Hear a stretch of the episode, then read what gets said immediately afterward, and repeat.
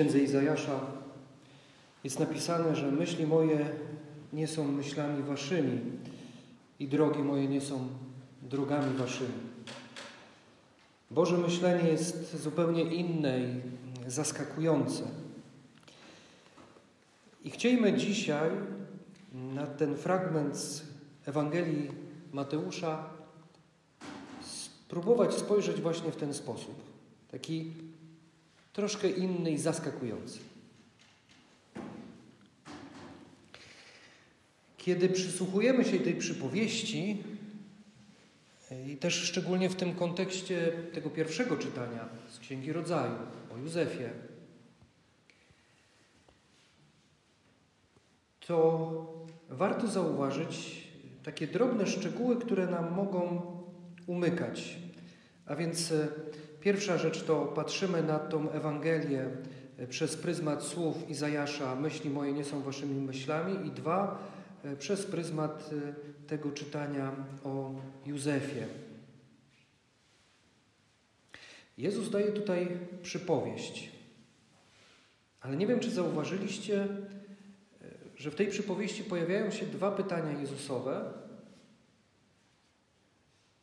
i że w ogóle kończy przypowieść pytaniem. Zadaje pytanie. Co waszym zdaniem uczyni właściciel winnicy? I pada odpowiedź z tłumu. I ta odpowiedź jest taka zwyczajna, głęboko ludzka. Ta odpowiedź tłumu jest wyrazem poczucia sprawiedliwości. No, ewidentnie widać winę tych, y, którzy zarządzali winnicą i zabójców należy sprawiedliwie ukarać. Sprawa jest oczywista. I myślę sobie, że każdy z nas y, to przyzna, gdyby się znalazł wtedy w tłumie. E, a jeszcze bardziej, kiedy do tej przypowieści e, podłożymy odpowiednie postacie. To, w jaki sposób taki klasyczny interpretuje się tę przypowieść. To jeszcze bardziej wychodzi nam sprawiedliwy rachunek.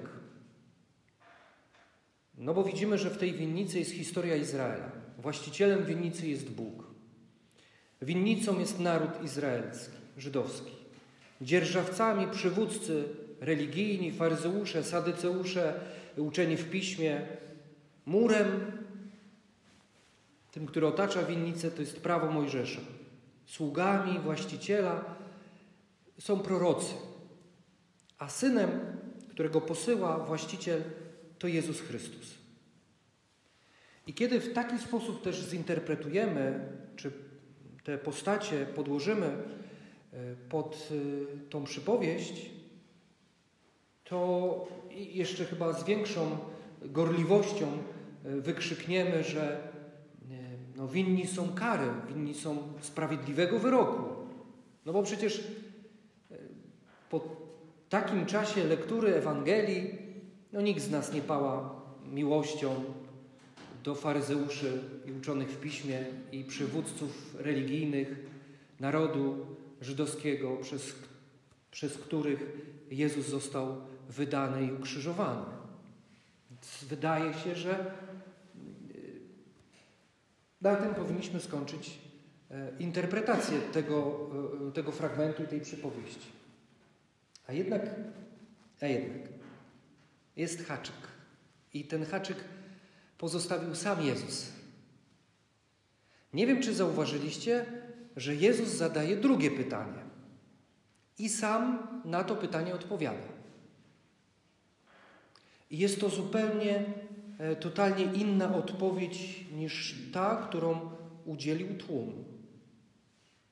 E, ta odpowiedź Jezusowa wskazuje na zupełnie inny porządek, nie ludzki. Porządek innej natury. I że ta wypowiedź Jezusa kłóci się z wypowiedzią, e, którą, można powiedzieć, ogłosił tłum. Jezus przywołuje Psalm 118 o tym, e, o, o kamieniu węgielnym. Zabity syn winnicy staje się kamieniem węgielnym. A kamień węgielny powinien nam się kojarzyć, jeśli mamy wiedzę na temat kamienia węgielnego, powinien nam się kojarzyć z nową budowlą, z nowym budynkiem. Kamień węgielny jest czymś zasadniczym i nieusuwalnym w fundamencie. I kamień węgielny z pewnością symbolizuje pewien początek, pewną nowość, pewną świeżość, coś radykalnie nowego. Kiedy kładzie się kamień węgielny, to wszyscy wiedzą, że powstanie nowy budynek. Niezaprzeczalnie. Jeszcze może nie znają planów, nie wiedzą, jaki to będzie budynek, architekt wie, natomiast oni wiedzą, że to będzie nowy budynek, nowa jakość, nowy porządek. Nie jest to dokończenie czegoś, przeróbka bądź naprawa, ale jest to ustanowienie nowego porządku. Jezus mówi, że ten syn winnicy, który został odrzucony, stanie się kamieniem węgielnym nowego porządku. I wiecie, kiedy w ten sposób będziemy interpretować kamień węgielny, to zobaczymy, że tak naprawdę Jezus daje odpowiedź na pierwsze pytanie. Co Wam się wydaje? Co zrobi właściciel winnicy, kiedy przyjdzie?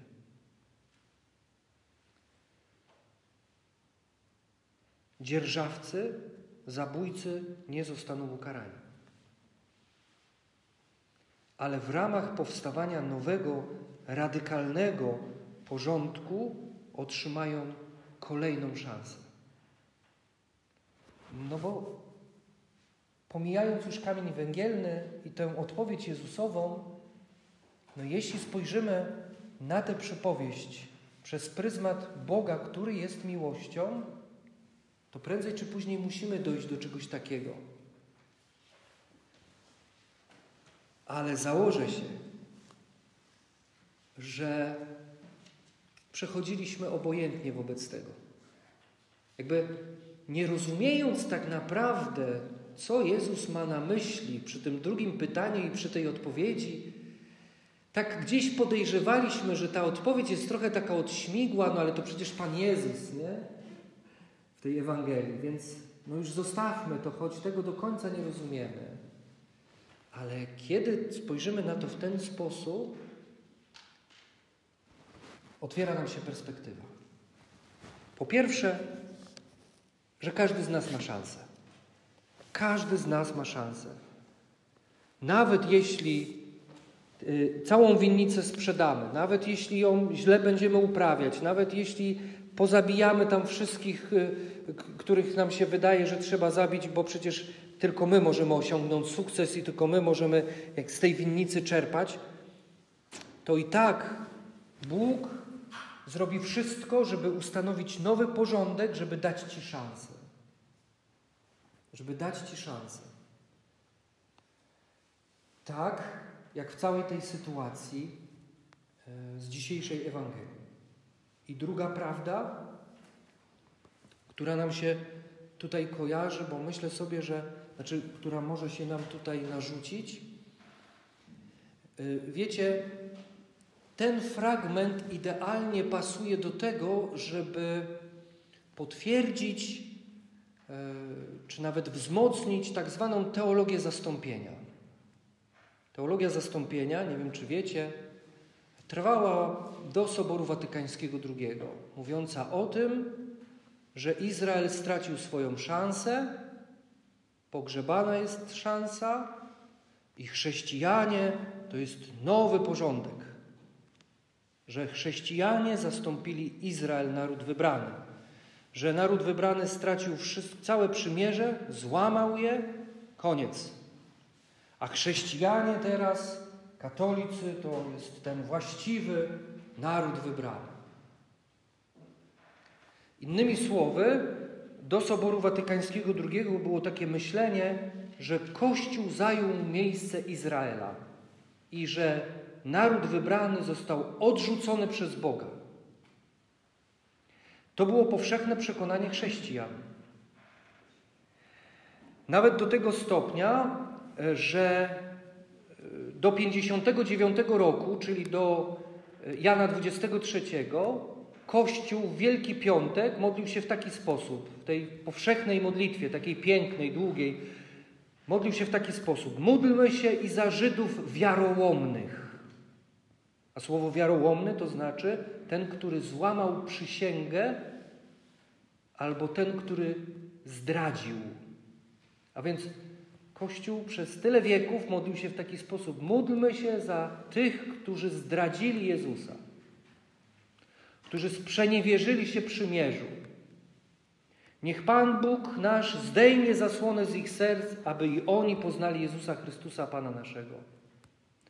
Generalnie rzecz biorąc, ta modlitwa nie służyła zbyt bardzo do, nie była podstawą do dialogu. Raczej, raczej powodowała unikanie tego dialogu i z jednej i z drugiej strony. I trochę niestety, wiecie, też te nastroje antysemickie też wzbudzało. Nie mówię, że ta sama modlitwa, tylko to podejście. A Sobór Watykański II co pisze? W deklaracji o stosunku Kościoła do religii niechrześcijańskiej. Żydzi nadal ze względu na swych przodków są bardzo drodzy Bogu, który nigdy nie żałuje darów i powołania. Nie należy przedstawiać Żydów jako odrzuconych, ani jako przeklętych przez Boga, rzekomo na podstawie Pisma Świętego. Wiedzieliście o tym? Że Kościół po tylu wiekach dochodzi do czegoś takiego, że nie należy. A więc jeśli ktoś otwarcie na ambonie czy w różnych dysertacjach naukowych mówi, że Żydzi są odrzuceni, że są przeklęci przez Boga, sprzeciwiają się nauczaniu Soboru Watykańskiego II. I dzisiaj, po tej reformie, szczególnie jeśli chodzi tutaj ta reforma ostateczna Pawła VI papieża, dzisiaj modlimy się w taki sposób. Módlmy się za Żydów, do których przodków Pan Bóg przemawiał, aby pomógł im wzrastać w miłości ku Niemu i wierności Jego przymierza. Piękna modlitwa. Trzeba było dwóch tysięcy lat, żeby dojść do takiej modlitwy. Wiecie, dopiero po Soborze Watykańskim II, w ogóle, bo to jest jakby dialog z e, religiami niechrześcijańskimi, ale też Sobór Watykański II otworzył przestrzeń do tego, abyśmy w ogóle zaczęli bez lęku rozmawiać e, z e, braćmi protestantami. Do tego momentu jedyną modlitwą, którą mogliśmy odmawiać wspólnie, była Ojcze Nasz. Nie można było innych modlitw i rozmów prowadzić. Jest jeden Kościół. Jest jeden Kościół. I, I, nauczanie Kościoła mówi, że jest podzielony dziś na synagogę i na Kościół, ale to jest jeden Kościół, wspólny. I Jezus modli się, bardzo często zapominamy o tej modlitwie, modli się o jedność. Ojcze, aby oni byli jedno, jak my stanowimy jedno, aby świat poznał, aby świat poznał, że ja jestem, aby świat poznał miłość. Dopóki jesteśmy w rozdzieleniu, świat nie pozna. Świat może nawet powiedzieć tak, no, kocham Jezusa, ale nie zostanę chrześcijaninem patrząc na to, jak żyjecie. Tak Gandhi powiedział. Jestem zachwycony Chrystusem czytając Ewangelię, ale wybaczcie, nie zostanę chrześcijaninem, bo widzę, jak żyjecie.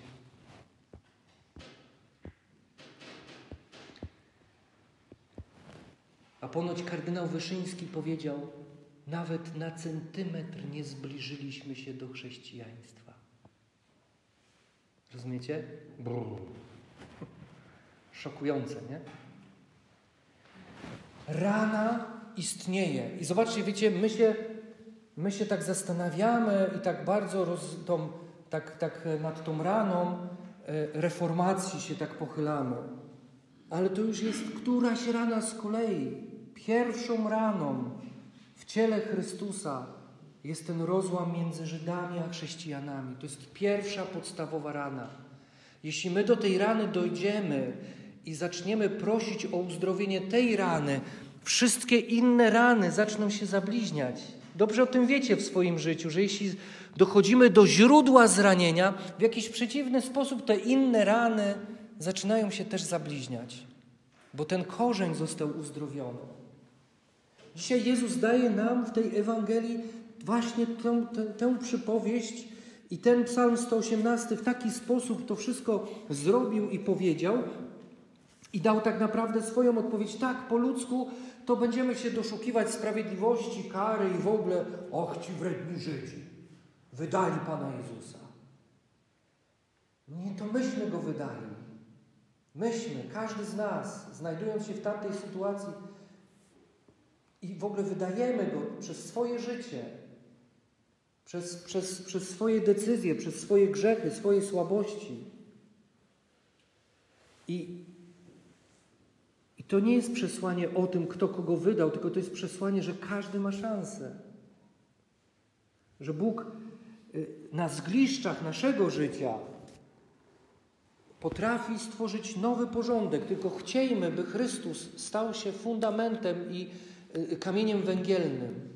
I dziś też módlmy się za naszych starszych braci w wierze, jak mówi nauczanie Kościoła, starszych braci w wierze, aby uczynili Jezusa Chrystusa kamieniem węgielnym, tym fundamentem.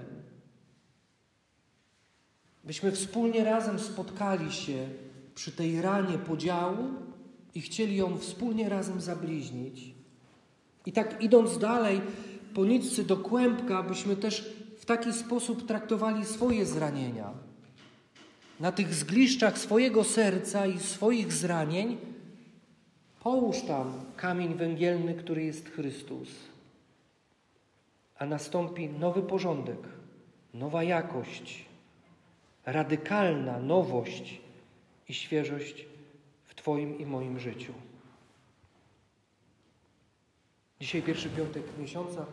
Może warto właśnie żebyśmy wołali, a może byśmy przyjęli Komunię Świętą w tej intencji, w intencji rany podziału, tej, tej podstawowej, tego podstawowego zranienia, a później zranienia, kiedy e, rozdzielają się te płuca na płuco wschodnie i zachodnie, a potem kolejna rana, kiedy zachód zaczyna się dzielić tak potężnie, że mamy dzisiaj kilkadziesiąt tysięcy różnych denominacji w Kościele Zachodnim.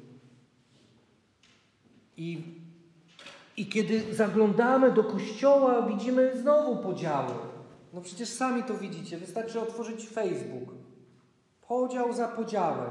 A czy to tak, a czy siak, a czy owak, a czy tak. A Jezus stoi z boku tego wszystkiego i mówi: A ja to ja już się nie liczę. Moja osoba się nie liczy. To wy się kłócicie o takie, że a ja. A ja co? A ja sobie daję przebić Bóg. A ja daję sobie przebić Bóg dla Was i za Was.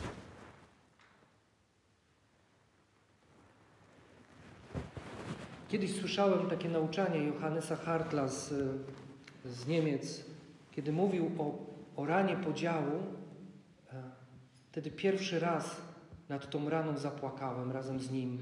On też, kiedy mówił o tym, jak ciało Chrystusa jest rozerwane, jest rozerwane. I my je cały czas rozrywamy. Nie tylko rozrywamy szaty Chrystusa, ale my rozrywamy ciało Chrystusa. Może módlmy się też o, o łzy właśnie tego zadośćuczynienia, żeby nad tą raną zapłakać jedną, drugą, trzecią, dziesiątą, tysięczną i żebyś też zapłakał nad ranami swojego serca. Żebyś zapłakał nad ranami swojego serca, które sam sobie zadałeś i inni Tobie zadali. Ty też jesteś ciałem Chrystusa. Nie wprowadzaj podziału w swoje serce. Szanuj też siebie. Zapłacz nad tymi ranami, poproś o, je, o uzdrowienie. I nie mów o sobie, że jesteś wiarołomny, że jesteś zdrajcą, że złamałeś przysięgę. Ale przekonuj swoje serce, że dary i łaski Boże, jak mówi święty Paweł, są nieodwołalne i nieodwracalne. To jest walka, moi drodzy. E, z Jezusem możemy tę walkę wygrać. Amen.